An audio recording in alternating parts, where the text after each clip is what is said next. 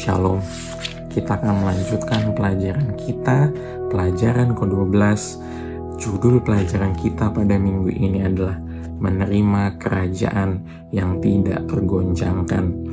Ayat hafalan kita minggu ini terdapat di dalam Ibrani 12 ayat 28. Jadi karena kita menerima kerajaan yang tidak tergoncangkan, marilah kita mengucap syukur dan beribadah kepada Allah menurut cara yang berkenan kepadanya dengan hormat dan takut. Pada hari Rabu, pelajaran kita berjudul Kerajaan yang Tidak Tergoncangkan. Tuhan sudah mengumumkan bahwa Dia akan mengguncangkan langit dan bumi, tetapi kita tidak perlu khawatir karena Dia menggoncangkan bumi, bumi dan langit untuk menghancurkan musuh-musuhnya. Dan penggoncangan ini bukanlah suatu kehancuran total, tetapi adalah sebuah pembaharuan, seperti sebuah renovasi. Dan ciri-ciri apakah orang yang tidak digoncangkan di dalam Mazmur 16 ayat 8 dan Mazmur 21 ayat 7 dikatakan orang-orang yang selalu dekat kepada Tuhan yang hidupnya fokus kepada Tuhan dan yang percaya kepada Tuhan adalah orang-orang yang tidak digoncangkan.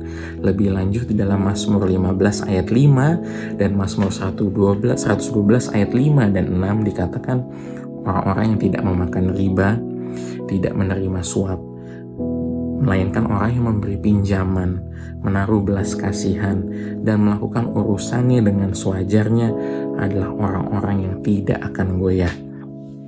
Pada hari Kamis, pelajaran kita berjudul Marilah Mengucap Syukur. Sudah barang tentu, sudah menjadi kewajiban kita untuk selalu mengucap syukur. Bukan saat kita bahagia, bukan saat kita mengalami berkat, tapi setiap saat, senantiasa kita harus mengucap syukur. Pada perjanjian lama, mengucap syukur itu salah satunya dengan mempersembahkan korban bakaran. Bagaimana dengan zaman sekarang? Sesuai dengan ayat hafalan kita dalam Ibrani 12 ayat 8, kita mengucap syukur itu zaman sekarang dengan beribadah yang berkenan bagi Allah peribadahan yang berkenan bagi Allah itu seperti apa? Di dalam Ibrani 13 ayat 15 dan 16 dikatakan bahwa selain memuliakan Tuhan, berbuat baik dan memberi bantuan adalah hal yang berkenan bagi Tuhan.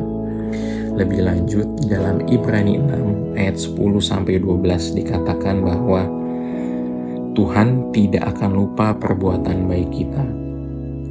Marilah kita bertekun dalam menunjukkan kasih selama kita hidup. Kehidupan kita pasti naik dan turun, tapi Tuhan tidak pernah lupa perbuatan baik kita.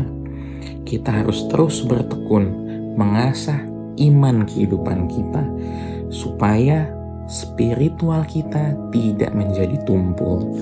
Di dalam Ibrani 13 ayat 1 ayat 2 dan 16 juga dikatakan bahwa kita harus mengasihi orang-orang yang di sekitar kita seperti kita mengasihi saudara kandung kita, mengasihi saudara kita yang sedarah kakak adik kita.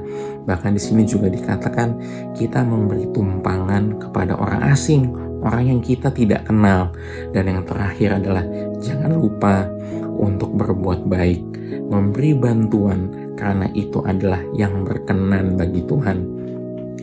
Pada hari Jumat, kesimpulannya adalah setelah kita menjalani kehidupan kita, bertekun dalam kehidupan kita, bertekun dalam iman kita, memuji Tuhan, memperbaharui kehidupan kita, maka upah yang kita terima adalah kita akan memerintah sebagai raja dan imam di dalam kerajaan Tuhan, kita akan ambil bagian dalam pengadilan terhadap malaikat-malaikat jahat, pengadilan terhadap iblis, dan kita akan mengalahkan kejahatan. Demikian pelajaran sekolah sahabat kita minggu ini. Terima kasih sudah bergabung dengan YouTube channel Gema Kamenteng. Sekolah sahabat yang bersahabat, bersemangat, semua terlibat, jangan terlambat. Amin.